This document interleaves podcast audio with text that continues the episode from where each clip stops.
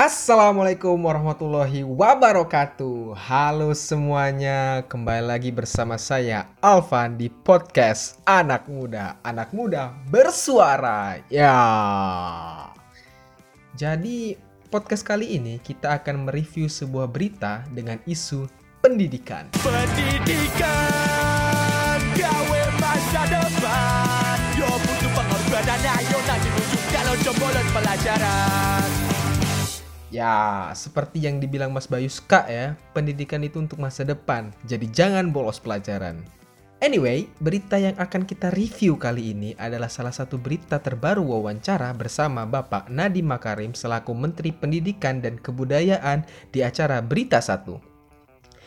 Jadi Pak Nadiem ini mengatakan bahwa pembelajaran tatap muka itu sangat penting dalam perkembangan anak. Oleh karenanya, pemerintah akan terus berupaya untuk mempertahankan aktivitas pembelajaran tatap muka di sekolah secara aman.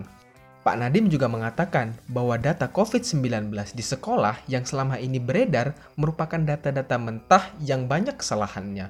Menurutnya, kesehatan kegiatan pembelajaran tatap muka di Indonesia masih aman, namun perlu didukung.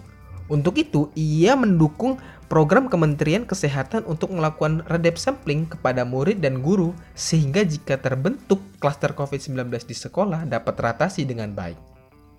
Kami tidak terlalu khawatir mengenai tren yang kita lihat pada saat sekolah melakukan PTM, tapi saya lebih khawatir bahwa hanya 40% daripada sekolah kita yang bisa melakukan PTM saat ini.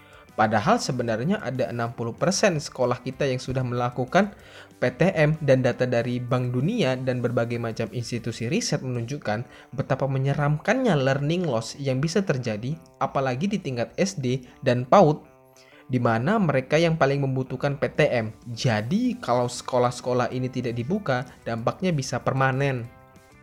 Jadi kesimpulannya adalah sebenarnya Pak Nadiem Makarim ini sangat setuju jika diadakannya pembelajaran tatap muka. Karena menurutnya, pembelajaran tatap muka ini sangat penting dalam perkembangan anak. Dan juga data COVID-19 yang beredar itu sebenarnya data-data mentah yang banyak kesalahannya.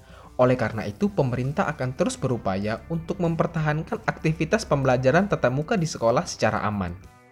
Ya, mungkin itu saja yang bisa saya sampaikan di podcast kali ini. Saya Alvan pamit undur diri. Sekian, terima kasih.